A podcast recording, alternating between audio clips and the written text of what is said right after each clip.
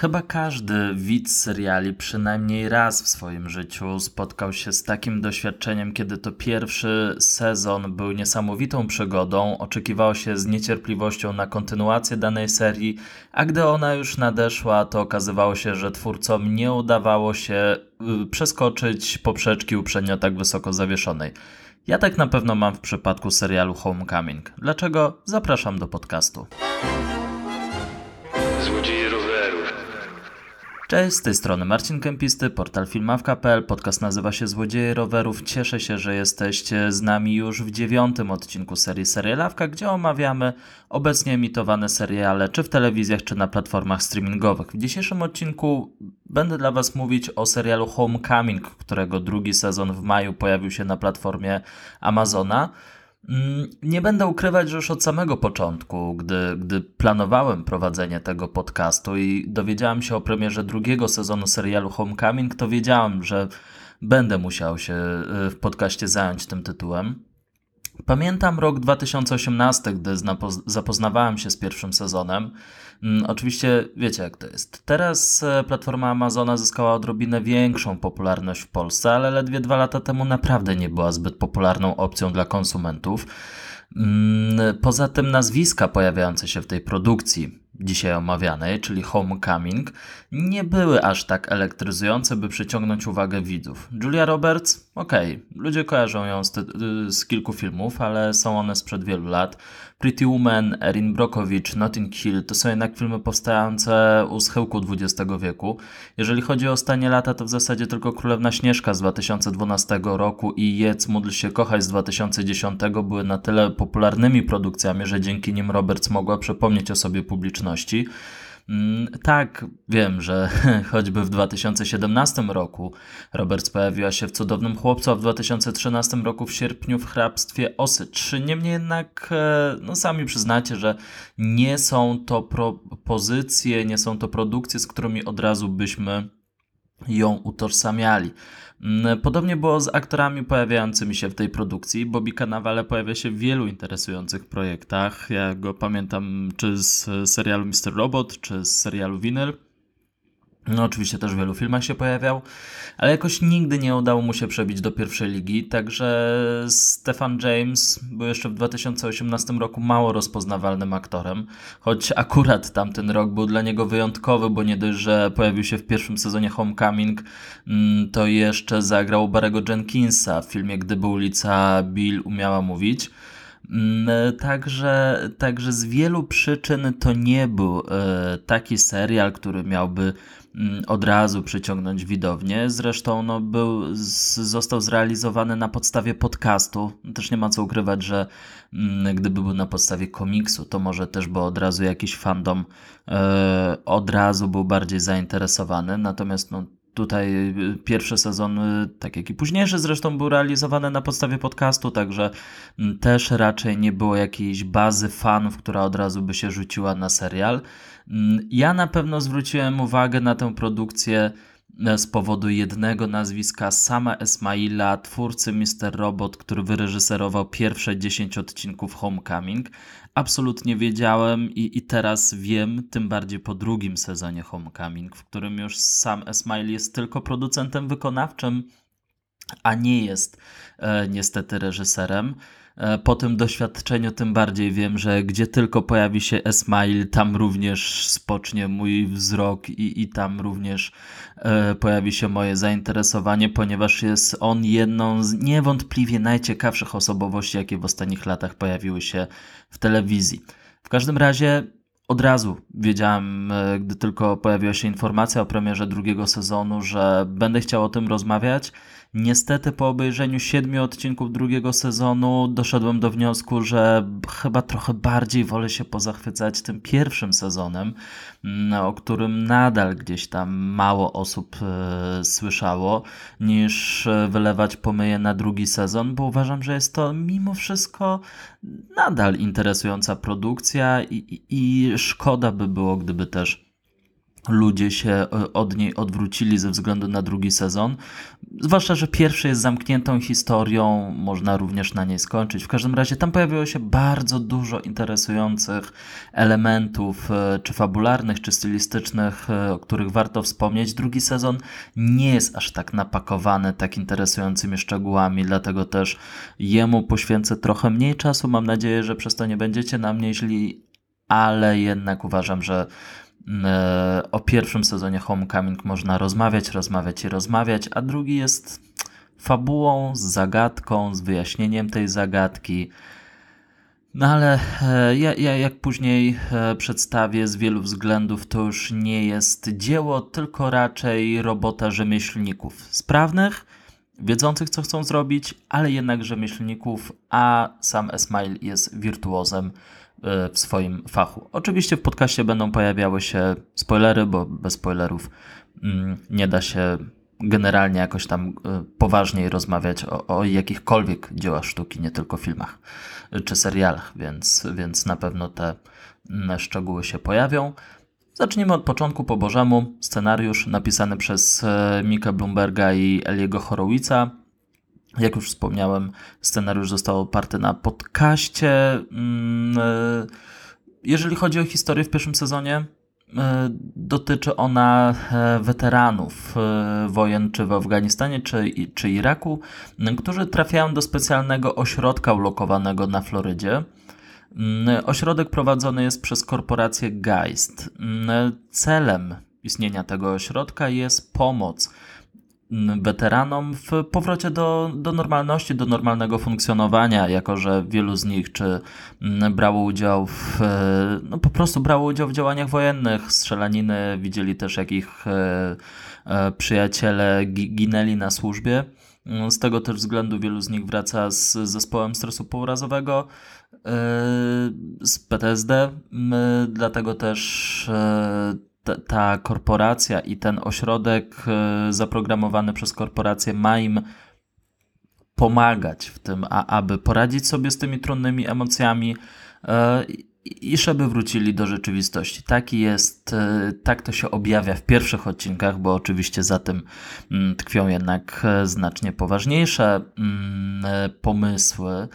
Natomiast tak to wygląda na samym początku. Ośrodkiem, tak jak wspomniałem, zawiaduje korporacja, ale oczywiście ona jest bardzo schierarchizowana. W każdym razie widzowie poznają dwie osoby, które w jakiś tam sposób zawiadują tym ośrodkiem. To jest przede wszystkim e, bohaterka grana przez e, Julia Roberts, mm, e, która Heidi Bergman, mm, która, która jest terapeutką rozmawiającą z, z weteranami, nagrywającą te rozmowy, w jakiś sposób pomagającą im przebyć, przejść przez te trudności. Nad nią mm, znajduje się Colin Belfast, grany przez Bobiego Cannavale, mm, szef, który nigdy nie pojawia się w tym ośrodku, w zasadzie nigdy. Mm, ciągle dzwoniący do, do podwładnej, ciągle ją strofujący i, i oczekujący na to, że zdobędą jak najwięcej informacji na temat żołnierzy i na temat e, tego, jak przebiega terapia. E, I, I, tak wyglądają zręby. Oczywiście akcja toczy się w roku 2018, natomiast e, też e, jednocześnie prowadzona jest druga nitka fabularna, której akcja już ma miejsce 4 lata później po tych wydarzeniach, o których przed chwilą opowiedziałem. W tym drugim wątku widzowie oglądają Heidi Bergman, która pracuje w jakiejś knajpie jako kelnerka i nie pamięta za bardzo tego, co się wydarzyło 4 lata wcześniej. Na jej drodze pojawia się mm, urzędnik Departamentu Obrony, grany przez Shie Wigama, Tomas Carrasco, który prowadzi swego rodzaju śledztwo, ponieważ te 4 lata wcześniej mm, pojawiła się skarga jednego z żołnierzy biorących udział w tym przedsięwzięciu, w tym badaniu i, też przechodzeniu przez traumę. Dlatego pojawia się na, na drodze bohaterki grany przez Julię, Ro Julię Roberts i próbuje rozwikłać tę zagadkę, czy, czy dlaczego w ogóle ta skarga została złożona i, i czy należy ją dalej przepchnąć, czy dalej urzędnicy powinni się nią interesować, czy ta skarga była bezzasadna.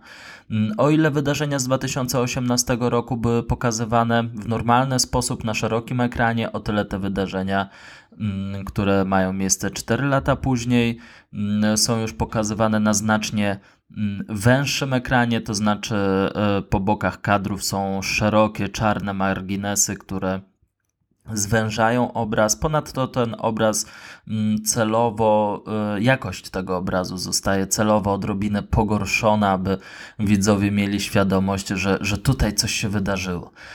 Tak wyglądają te mm, kwestie fabularne. Zanim przejdę jeszcze do, do interpretacji tego, co tam się w ogóle dzieje, warto e, poopowiadać chwilę o tych zabiegach stylistycznych e, mm, wykorzystywanych przez sama Esmaila, reżysera wszystkich odcinków, ponieważ one są naprawdę, naprawdę fantastyczne. Po pierwsze, kamera.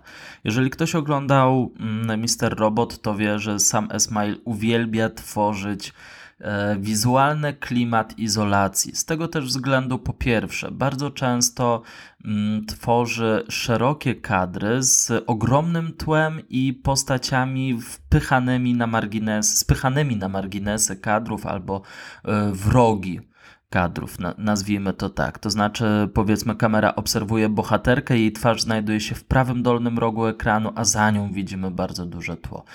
E, bardzo często też kamera z dystansu przygląda się bohaterom, co, co od razu mm, gdzieś wprowadza mm, takie poczucie y, y, czy, czy alienacji tych bohaterów, to znaczy poczucie, że rzeczywiście oni mogą być jednostkami samotnymi, którzy w jakiś sposób nie potrafią się zakorzenić w rzeczywistości, ale też mm, to też wprowadza pewien element dziwności, jako że widzowie raczej są przyzwyczajeni do innego sposobu kadrowania. Często też bohaterowie mówią do kamery, chociaż akurat patrzą nad nią, ale y, kamera jest dosyć blisko ich twarzy. E, te twarze też, też wypełniają obraz, ale patrzą nad kamerę, ale wydaje się, jakby jednak zwracali się e, w stronę widzów, więc cały czas e, Esmail mm, działa na, na takich dwóch skrajnościach, że jednak bardzo często tworząc tę izolację, dziwność, dystans, ale nawet jeżeli mamy poczucie intymności z tymi bohaterami, kiedy patrzymy wprost im w twarz, a oni zwracają się wprost do kamery, ale też my, jako widzowie, mamy świadomość, że niejako za kamerą siedzi ten bohater, do którego oni się zwracają, mm, to mimo wszystko nadal nie czuć jakiegoś połączenia emocjonalnego. E, Sam Smile bardzo dba o to, aby, aby w kwestiach wizualnych tutaj nikomu nie mm, ułatwiać mm, działania, więc e, przede wszystkim te kadry, oczywiście e, kamera w takich momentach jest nieruchoma. W zasadzie prawie zawsze, kiedy bohaterowie sobie e, siedzą, kiedy, w, kiedy prowadzą rozmowę, ale, ale, nie przemieszczają się nigdzie. Kamera nie jest oczywiście prowadzona z ręki, chodzi o bardzo spokojne rejestrowanie tego, co się dzieje na ekranie. Kiedy bohaterowie się poruszają, E, tutaj, w zależności od tego, w jaki sposób e, się poruszają i, i, też w jakich e, są emocjach, jakie emocje im towarzyszą, Esmile stosuje też wiele bardzo ciekawych zabiegów. Z jednej strony, często kamera gubi bohatera. Jest fantastyczny moment, to jest bodaj początek trzeciego odcinka pierwszego sezonu, kiedy Julia Roberts wchodzi do, do tej instytucji do tego ośrodka, e, wielki hall i kamera, i oczywiście ona rozmawia przez telefon i, i cały czas słyszymy tę rozmowę, widzowie wiedzą, wiemy, Mm, e, czego tyczy ta rozmowa. Słyszymy też odpowiedzi po drugiej stronie, ale kamera sama sobie ogląda rzeczywistość. Zresztą podobny zabieg jest zastosowany w mm, drugim sezonie, e, kiedy bohaterka grana przez Janelle Monet e, siedzi w restauracji. To jest pierwszy odcinek, ale zanim kamera ją wyłapie, a swoją drogą też jest ona na tyle daleko od kamery, bohaterka i, i też jej interlokutor są tak daleko od kamery, że musimy się chwilę zastanowić, czy to na pewno oni prowadzą tę rozmowę, ale zanim kamera w ogóle na nich spojrzy, to sobie ogląda tę rzeczywistość, mm, pozwala ludziom i też e, trochę wniknąć w ten świat przedstawiony, zapoznać się z nim, zobaczyć, e, co to jest za pomieszczenie, jakie są też e, kolory, w ogóle kto tam jest, mm, a dopiero później gdzieś zwraca się w stronę bohaterów, jak gdyby dopiero później. Mm, kamera e, interesowała się tymi bohaterami, ale też bardzo często ich nie wyszczególnia w, w jakiś mm, e, istotniejszy sposób. To znaczy, też może się e, delikatnie zbliżać w ich kierunku, ale mimo wszystko nie, nie wyławia ich z tłumu nadal jest to jedno ujęcie bez cięcia, tak by spokojnie sobie wnikać w tę rozmowę, i, i, i, ale też nie widząc y, na przykład ruchu ust, nie widząc, nie mając takiej pewności, że to akurat e, ci bohaterowie ze sobą rozmawiają. Ale też jest taki jeden moment w pierwszym sezonie, gdy bohaterka jest e, Heidi Bergman, Julia Roberts jest mm, zdenerwowana z powodu tego, co dowiedziała się o swojej firmie i jakie są prawdziwe zamiary osób zawiadujących e, tą firmą. E, i wtedy mimo, że idzie korytarzem, to bardzo szybka seria cięć montażowych. Raz z przodu obserwujemy bohaterkę, raz z tyłu, mimo że tak naprawdę od jednego cięcia do drugiego cięcia dzielą trzy kroki w trakcie szybkiego spaceru, to mimo to szybkie cięcia powodują od razu wprowadzenie takiego poczucia zamieszania, zdenerwowania to są bardzo fajne zabiegi, bo jednak bardzo często reżyserzy uważają, że to kamera prowadzona z ręki, ta trzęsąca się kamera wprowadza pewien y, element niepokoju. Tutaj absolutnie montaż y, i, i to, pod jakim kątem kamera obserwuje bohaterów, to jest znacznie ważniejsze od tego, y, aniżeli od samej mm, działalności kamery w tym sensie, czy ona się trzęsie, czy nie. Tutaj jednak wiele, y, o dużo więcej rozgrywa się na stole mm, montażowym. Oczywiście też wspomniana przeze mnie wcześniej kwestia obrazu. Y, to, że wydarzenia z 2018 roku są przedstawiane w normalny, klasyczny sposób. Natomiast wydarzenia, mm, y, które mają miejsce 4 lata później, już są zawężone kadry. Mamy świadomość tego, y, oprócz tego, że sama bohaterka mówi o tym, że nie pamięta swojej pracy dla korporacji Geist, to też w dodatku sam obraz e, niejako determinuje e, interpretację tego wszystkiego, że widzowie też mają świadomość, że jednak nie widzą całej rzeczywistości, że jest pewna tajemnica, że coś jest przed nimi ukrywane, że gdzieś ta świadomość jest e, ściśnięta, tak już mówiąc kolokwialnie, że, że rzeczywiście mm, no to to też wprowadza element niepokoju i ta zepsuta jakość obrazu. Wprawdzie to od razu to widać i od razu gdzieś można połączyć jedno z drugim, ale bardzo fajnie, że Esmail cały czas kombinuje mm, z podobnymi zabiegami. I jeszcze jedna rzecz, zanim przejdę do, do kolejnych elementów składających się na kwestie stylistyczne, estetyczne, to znaczy dzielenie obrazu. Bardzo mi się podoba ten zabieg, to znaczy w Homecoming pojawiają się takie momenty, w których obserwujemy dwójkę bohaterów, którzy nie zawsze mają ze sobą kontakt, bo oczywiście najczęściej ekran dzielony jest w trakcie rozmów telefonicznych. W pierwszym sezonie to to tylko ma miejsce, e, gdy, gdy Colin Belfast, Bobby Cannavale rozmawia ze swoją pracownicą, kiedy ją ciągle strofuje, wtedy e, widzimy w jakich warunkach funkcjonuje Belfast, e, co robi w trakcie tej rozmowy, widzimy też w jaki sposób zachowuje się Heidi. W drugim sezonie takie rozmowy telefoniczne również się pojawiają, ale to, co jest dla mnie znacznie ciekawsze, jeżeli chodzi o wykorzystanie mm, tej techniki, te, tego dzielenia obrazu, to jest moment, kiedy w ósmym odcinku Heidi ta starsza Heidi odkrywa, że coś zostało przed nią zatajone, kiedy ona przyjeżdża ponownie do tego ośrodka, który już nie jest takim samym ośrodkiem, jakim był 4 lata wcześniej. E, przechadza się po korytarzach tego ośrodka, a jednocześnie w tym samym momencie wspomniany wcześniej przeze mnie urzędnik e, również jest w tym ośrodku, ale poszedł do drugiego skrzydła, i, a to było zamknięte drugie skrzydło. I widzimy po dwóch stronach ekranu. Po prawej stronie ekranu widzimy Julię Roberts przechadzającą się zmodernizowanymi korytarzami, po lewej stronie widzimy urzędnika przechadzającego się zamkniętym skrzydłem, które jeszcze jest znakiem minionej epoki dla tego budynku. To znaczy świadczy o tym, że wcześniej rzeczywiście istniało tam działalność polegająca na przeprowadzeniu terapii żołnierzy wracających z różnego rodzaju misji.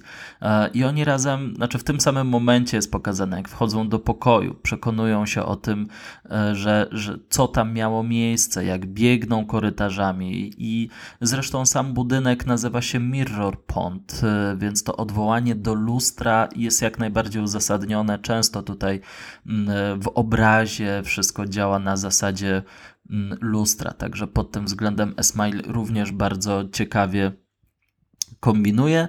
E, też e, mówiłem już o poczuciu zagubienia, dzieleniu ekranu, marginesach, dystansie, e, właśnie tych małych twarzach bohaterów, na, a, a za nimi o dużych tłach. Dwie jeszcze rzeczy.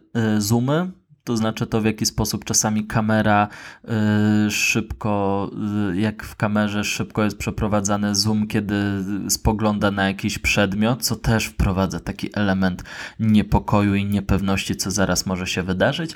I sceny w trakcie napisów, które szczerze powiedziawszy uwielbiam, y, ale to zaraz też o nich opowiem, bo one są też świetnym tworzywem do tego, aby prowadzić interpretację, że nie tylko to, co się dzieje w ramach serialu, w tych klasycznych ramach serialu, od napisów początkowych do napisów końcowych, ale również w trakcie napisów końcowych gdzieś ta historia, ta rzeczywistość nadal sobie istnieje.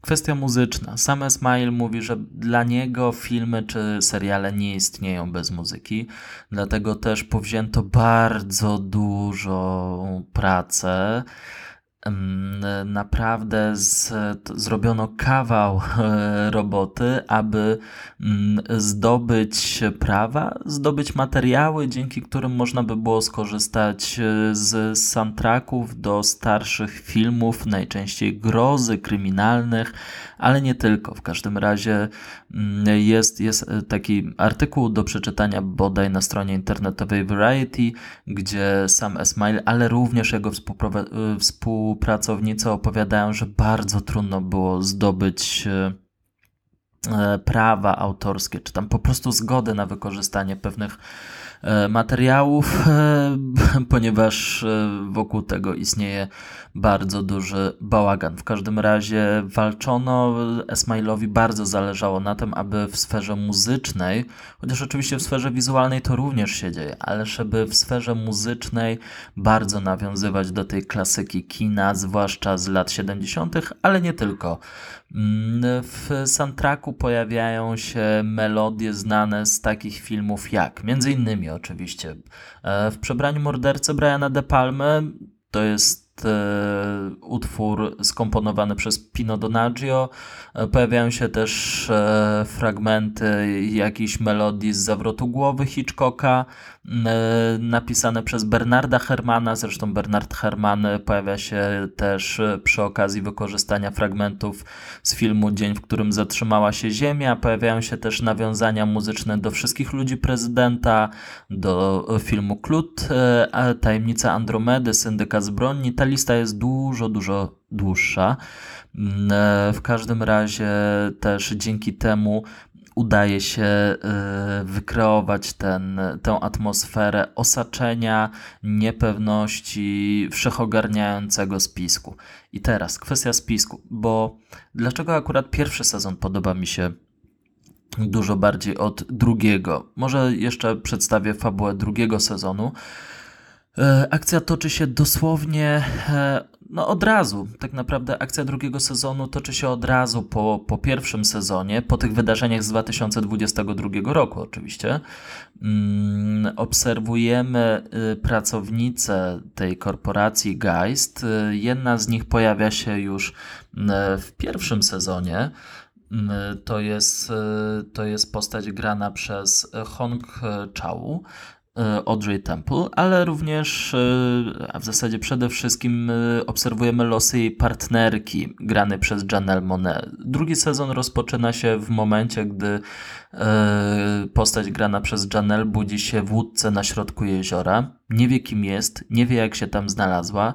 W zasadzie nie ma przy sobie niczego, co by mogło jej pomóc w ustaleniu własnej tożsamości, jak również tego, co się wydarzyło, że znalazła się e, na tej łódce. Dosłownie drobne elementy typu kartka papieru, mm, e, tatuaż na ramieniu albo ślady nakłucia na przedramieniu. E, w zasadzie tylko na podstawie takich drobnych elementów bohaterka zaczyna ustalać to, co się mm, wydarzyło. I też dzięki temu pojawia się też postać Waltera Cruza, czyli Mm, tej, tego bohatera granego przez Stefana Jamesa, to jest też ten łącznik między pierwszym a drugim sezonem, ponieważ jak się okazuje, e, Janelle Monet była pracownicą korporacji Geist, e, która miała na tyle wpłynąć na Waltera Cruza, aby on e, nie chciał dalej interesować się swoimi przeszłymi losami, mm, aby nie chciał składać pytań do korporacji Geist, aby nie chciał też sprawdzać tego, jakim badaniom mm, był wcześniej poddawany, ponieważ Walter również nie pamięta tego, co się wcześniej wydarzyło ze względu na medykament, który w tamtym czasie był mu podawany. Mm, jeżeli chodzi o Audrey Temple, Hong Chao, ona jest tą pracownicą, która e, wchodzi na coraz wyższe szczeble e, w hierarchii korporacji i która ma zawiadywać dalszymi losami tego projektu Homecoming, jako że Wprawdzie, wprawdzie w pierwszym sezonie okazuje się, że no, doszło do pewnych nadużyć, przez co ten projekt został zatrzymany, ale po czasie pojawia się też Mm, pracownica Pentagonu, która proponuje, aby reanimować ten projekt i aby wykorzystać go w innych celach i temu ma też temu, temu ma pomagać e, postać grana przez Hong Chao, która ostatnio też pojawiła się w serialu Watchmen mm, i w sumie w całkiem podobnej roli, co też jest na swój sposób zastanawiające. W każdym razie, dlaczego pierwszy sezon podobał mi się znacznie bardziej e, niż drugi? E, przede wszystkim to e, podobał mi się to taki znak rozpoznawczy twórczości sama Esmaila, to znaczy pokazywanie korporacji i działania korporacji. Wydaje się, że drugi sezon, przez to, że mm, też e, fabuła e, częściej dotyka spraw związanych z pracownikami tej korporacji, zresztą widzimy tę korporację od środka, ba, nawet poznajemy e, założyciela tej korporacji, a może raczej osobę, od której nazwiska ta korporacja przebrała taką nazwę. Mm, czyli Leonarda Geista granego przez Chrisa Coopera. E, w każdym razie dzięki temu, a w zasadzie przez to, że ta korporacja jest bardziej poznana, no ona jest po prostu taką, staje się już zwyczajną firmą, w której są osoby nastawione bardziej etycznie do prowadzonej działalności gospodarczej, a są osoby, które są zainteresowane tylko sprawami zawodowymi i tym, aby piąć się coraz wyżej i zarabiać coraz więcej pieniędzy. I, i właśnie ta Audrey Temple, czy, czy w zasadzie główna bohaterka tego drugiego sezonu, czyli Janelle Monet, one są przedstawicielkami tego bardzo utylitarnego podejścia do kariery zawodowej, to znaczy, no zwłaszcza Janelle Monet, bo też widzimy w bodaj trzecim odcinku drugiego sezonu retrospekcje pomagające zrozumieć, jaki był, jaki był jej zawód, to znaczy spotykała się z osobami, które w jakiś sposób tam chciały zaskarżać korporacje i, i w różny sposób sprawiała, aby mm, te osoby już nie chciały tego robić, aby nie robiły żadnych problemów jej pracodawcy. Mm, więc tutaj już poznajemy tę działalność korporacji, ale no, wydaje się, że to ukonkretnienie jest e, bardzo krzywdzące i też niszczy klimat e, i niszczy tę całą płaszczyznę interpretacyjną, która pojawiła się w pierwszym sezonie. Bo jak wygląda korporacja Geist w pierwszym sezonie? To jest, to jest niezwykłe. Po pierwsze, sam ten budynek, który w drugim sezonie już też jest przedstawiany w innych barwach, w jaśniejszych barwach, w, drugi, w pierwszym sezonie jest to przestrzeń, gdzie widzimy dużo więcej szarzyzny, e, dużo więcej i jak przechadzają się ludzie, to kamera nigdy nie jest zainteresowana tymi pracownikami. Zawsze jest e, ci, ci pracownicy gdzieś tam przymykający między gabinetami, korytarzami, po, kroczący po holu, są pokazywani niczym mrówki, które gdzieś tam sobie chodzą po swoim terrarium, bezosobowe jednostki. Mm, natomiast no, w tym drugim sezonie uzyskują, e, są ukonkretnione, poznajemy też wielu pracowników i wydaje mi się, że e, no to, to wszystko niszczy. Esmail jednak jest na swój sposób zafascynowany, ale też pesymistycznie nastawiony do do tych współczesnych wielkich korporacji, e, w których zwłaszcza e, pracownicy zajmują się wieloma rzeczami, bo jak się dowiadujemy z pierwszego sezonu, korporacja Geist to tak naprawdę nie jest korporacja zajmująca się sprawami militarnymi, to tak naprawdę jest mm, producent e, mydeł, środków czystości, czyli raczej e, elementów, e, które mogą się pojawiać w domach wielu mieszkańców Stanów Zjednoczonych. Natomiast z jakichś przyczyn oni zajmują się również e, sprawami wojskowymi mm, i ta bezcielesność tej korporacji wydaje mi się fascynująca. To znaczy to, że właśnie widzowie w pierwszym sezonie nie poznają żadnego z ważniejszych włodarzy tej korporacji, czy nikogo z rady nadzorczej, czy właśnie założyciela, on gdzieś funkcjonuje na zasadzie takiego nieobecnego Boga, który jednak wszystkich obserwuje i jest w stanie każdego ukarać, kto w jakiś sposób e, popełni błąd. Mm, ten motyw kary jest niezwykle interesujący. Pierwszy sezon kończy się tak, że Colin Belfast traci swoje stanowisko przez to, że Departament Obrony interesuje się tą nielegalną działalnością programu w, prowadzoną w ramach e, programu Homecoming i i wnet y, jest wykorzystany jako y, kozioł ofiarny, ale nie wiemy tak, oczywiście to jest niby powiedziane, ale tak naprawdę widzowie nie mają pewności, czy, czy tak rzeczywiście było, że, że na górze została decyzja podjęta o zwolnieniu, jakie przesłanki kierowały y, prezesów, że, że akurat ta osoba mm, musi stracić pracę. Po prostu ta kara przychodzi znikąd. Więc z jednej strony to, że e, w zasadzie to Esmail pokazuje e, te mechanizmy funkcjonowania korporacji, które po prostu są, których trudno ustalić źródła, gdzie szefowie są nieobecni, ciałem, ale na pewno obecni duchem. To jest niezwykle interesujące. Drugie pokazywanie też pracowników mm, jako właśnie ty, tych mrówek e, w sposób bezosobowy, bo tak naprawdę mm, w pierwszym sezonie pojawiają się czterej pracownicy tej korporacji, chociaż tak naprawdę chodzi tylko o dwóch, czyli osoby grane przez Bobiego Kanawale i Julia Roberts. No, i, i, i, też pojawia się ta sekretarka yy, Kanawale, także, także poznajemy, y, nie dostajemy strzępy informacji na temat tej korporacji, ale mimo wszystko na poziomie wizualnym też e, bardzo dużo widać i, tutaj, tutaj e, rozgrywa się ta ciekawsza mm, partia. Dzięki temu, dzięki temu można poznać sposób funkcjonowania, pewne okrucieństwo szefów wobec podwładnych. Tutaj naprawdę nie trzeba wykorzystywać słów, tutaj nie trzeba snuć jakichś długich tyrat na temat tego, że pracowniku bądź grzeczny postępuj zgodnie z moimi rozkazami, bo inaczej będzie źle. Wystarczy pokazać rozmowę Bobiego Kanawale z jego przełożonym, gdy tamten kroi kurczaka i ten dźwięk uderzającego noża o deskę, gdy on kroi tego kurczaka, jest już wystarczającym ostrzeżeniem, by Colin Belfast wiedział, że musi się ogarnąć, bo w przeciwnym razie straci posadę. Mm, także ta bezosobowość, e, też kolory mm, i też bardzo ciekawa rzecz, e, koniec dziewiątego odcinka pierwszego sezonu, gdy Colin Belfast, gdy e, pokazana jest retrospekcja, w której Colin Belfast przyjmuje Heidi do firmy.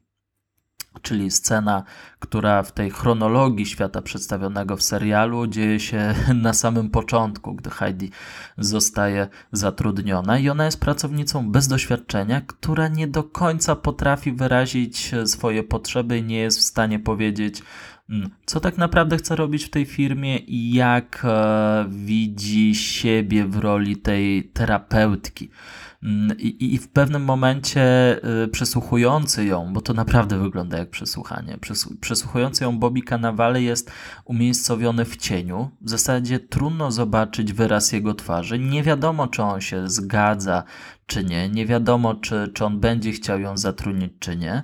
Ale wystarczy tylko jedno zdanie ze strony Julie Roberts, że ona przedkłada życie zawodowe nad życie prywatne i wnet dostaje tę pracę. E, I, I mówię, pierwszy sezon składał się z wielu takich e, drobnych e, elementów i, i, to mi się bardzo podobało, bo to było naprawdę no, zaplanowane z zegarmistrzowską precyzją i, i to czuć było rękę sama Esmaila, bo absolutnie oglądając Mister Robot, o którym mam nadzieję, że też kiedyś pojawi się nagranie, w naszym podcaście, to widać, że, że on potrafi tworzyć e, klimat e, takiej potężnej samotności i, i, tego, że jednostka w obliczu siły tej korporacji nie jest w stanie w jakikolwiek sposób e, wygrać, bo zwróćmy uwagę na dwa elementy. Pierwsze, gdy po czterech latach Julia Roberts wraca do starego miejsca pracy, tam już nie ma ośrodka e, terapeutycznego, tylko jest ośrodek spa, gdzie ludzie pracują nad tym, aby ich ciała wyglądały pięknie.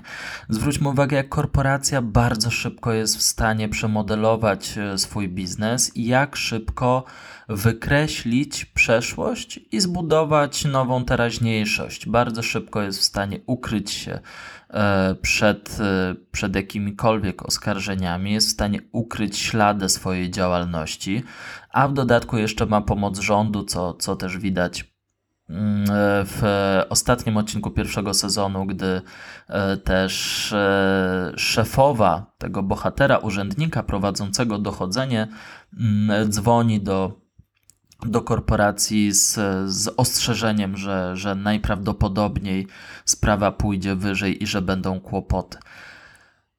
I e, kwestia jeszcze tej bezosobowości i, i, tej bezradności wobec siły korporacji i, i tego, że korporacja e, pojawia się na tylu różnych płaszczyznach życia i jest zainteresowana tak wieloma dziedzinami życia społecznego, bo tutaj środki czystości, a tutaj nagle program związany z terapią żołnierzy ważna kwestia dotycząca e, tego urzędnika prowadzącego śledztwo przeciwko korporacji.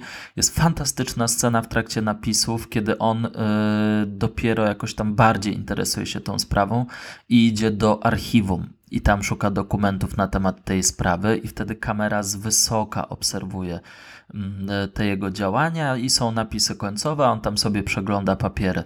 I E, kiedy oglądałem tę scenę, to, to, to czułem, że z jednej strony jest bardzo dużo takich właśnie niewyjaśnionych informacji, e, niewyjaśnionych wydarzeń, e, a przez to, że jest nawał tych papierków, to tak naprawdę nikt nimi się nie zajmie. I tutaj taki drobny urzędniczyna, który nie odznacza się żadną odwagą. To, to jest paradoksalne, że on tak naprawdę brnie w tę sprawę i tak bardzo chce ją rozwikłać, nie ze względu na to, że jest odważnym herosem, który stawia czoła kapitalistycznemu wyzyskowi. Nie, on jest po prostu urzędnikiem, który chce dobrze wykonać swoją robotę. Tylko tyle i aż tyle.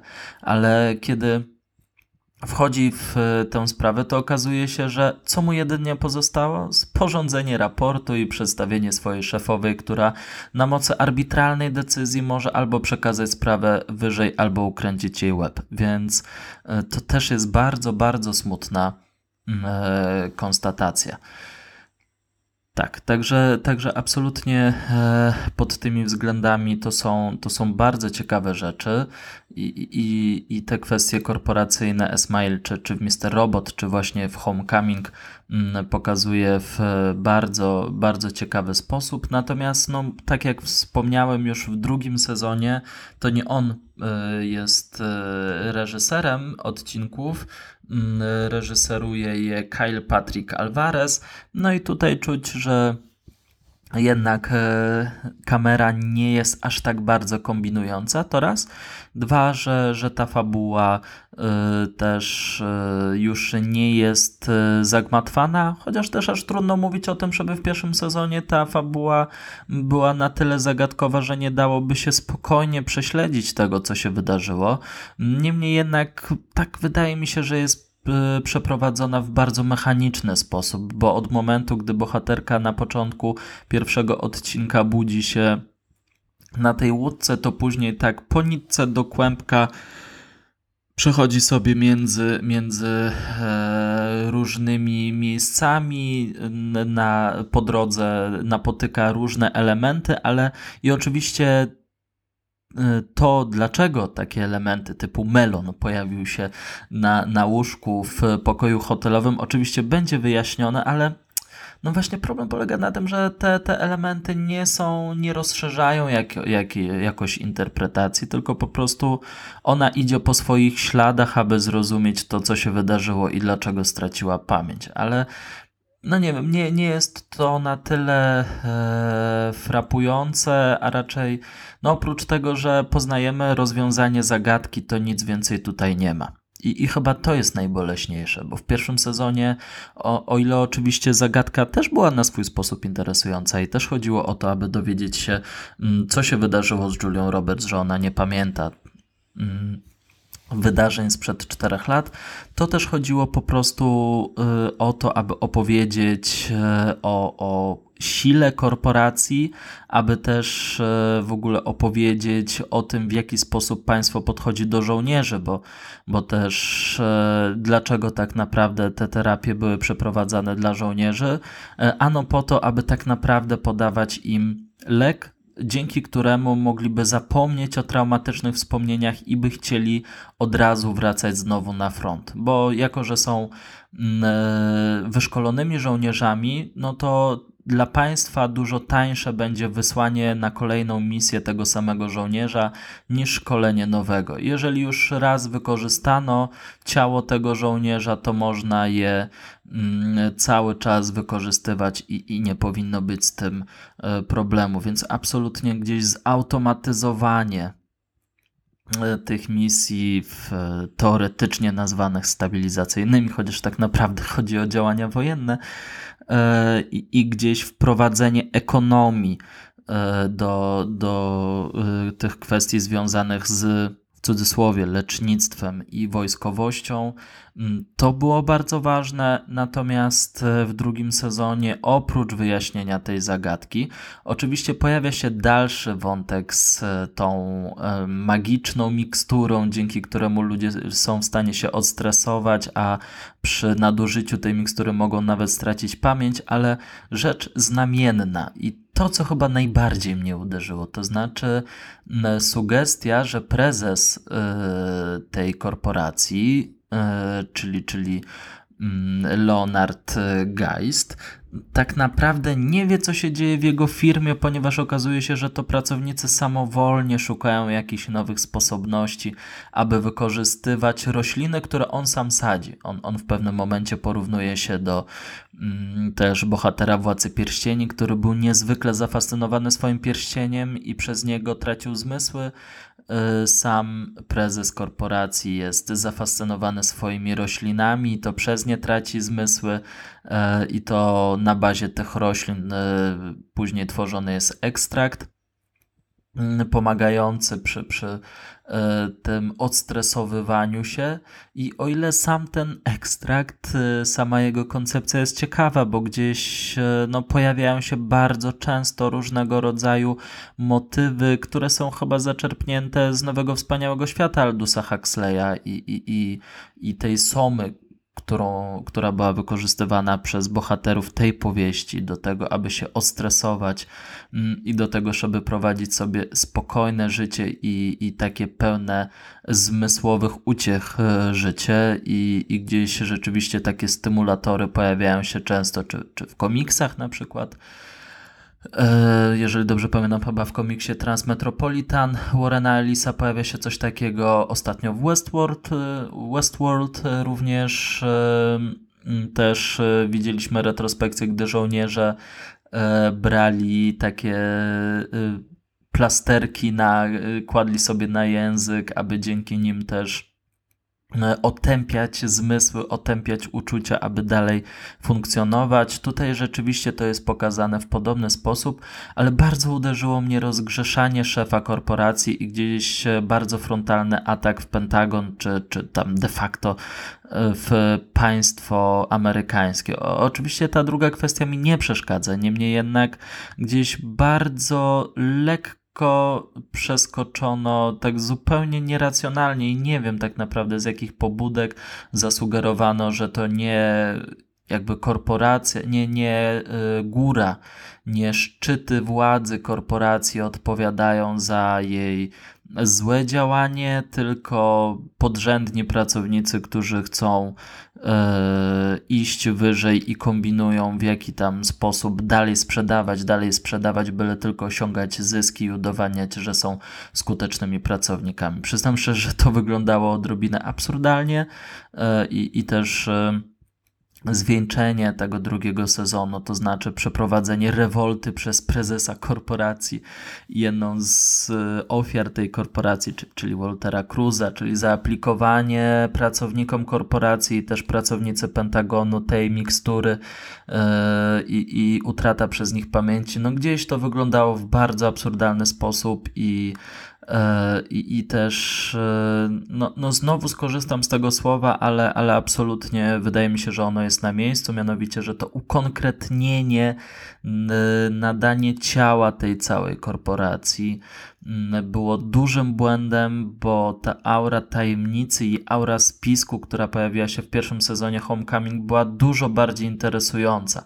Na przykład ten wątek e, przyjaciela Waltera Cruza, Shrira, e, który też w pewnym momencie wydawało mu się, że w ananasach mm, e, przekazywane są środki ich otępiające, a w ogóle podejrzewał, że być może oni tak naprawdę nie znajdują się na Florydzie. No i tu się mylił, bo znajdowali się na Florydzie, ale miał rację, że, mm, e, że te leki były im podawane e, w jedzeniu, więc gdzieś e, bardzo fajnie scenarzyści pierwszego sezonu balansowali między nieuzasadnionymi teoriami spiskowymi, a teoriami spiskowymi, które tak naprawdę okazywały się rzeczywistością i gdzieś widzowie cały czas musieli poddawać pod wątpliwość swój racjonalizm i mimo wszystko wikłać się w ten paranoiczny świat.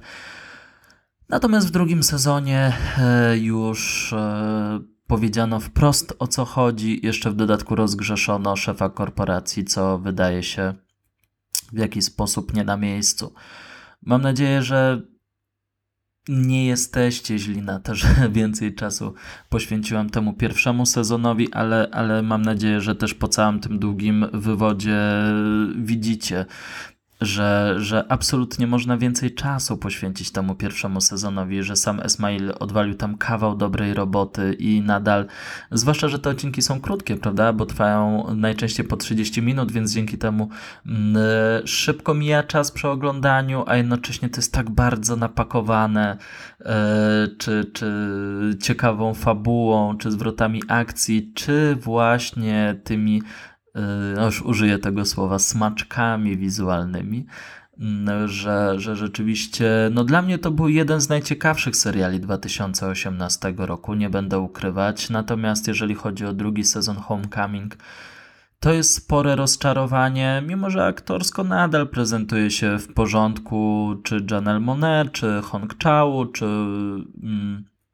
też inne pojawiające się postacie, ale brakuje tej paranoi. Naprawdę ten klimat paranoi uważam, że on wynosił tę produkcję o kilka pięter e, w górę i no cóż, tak naprawdę pozostaje przede wszystkim mm, omówienie serialu Mister Robot e, w serialawce w naszym podcaście i mam nadzieję, że też e, niedługo, może za kilka tygodni do tego dojdzie. Powoli się do tego przymierzam, aby też zainteresować się już e, zamkniętymi serialami. Nie wiem, czy akurat Mister Robot pójdzie na pierwszy ogień, ale, ale na pewno się pojawi, bo to jest na, no, jeden z najważniejszych seriali, jakie pojawił się w ostatnich latach mm, w telewizji i gdzieś tak bardzo wielo. Yy, wątkowy i też z wielu stron y, przyglądający się naszej rzeczywistości. Poza tym, no cóż, pozostaje też śledzić dalsze losy y,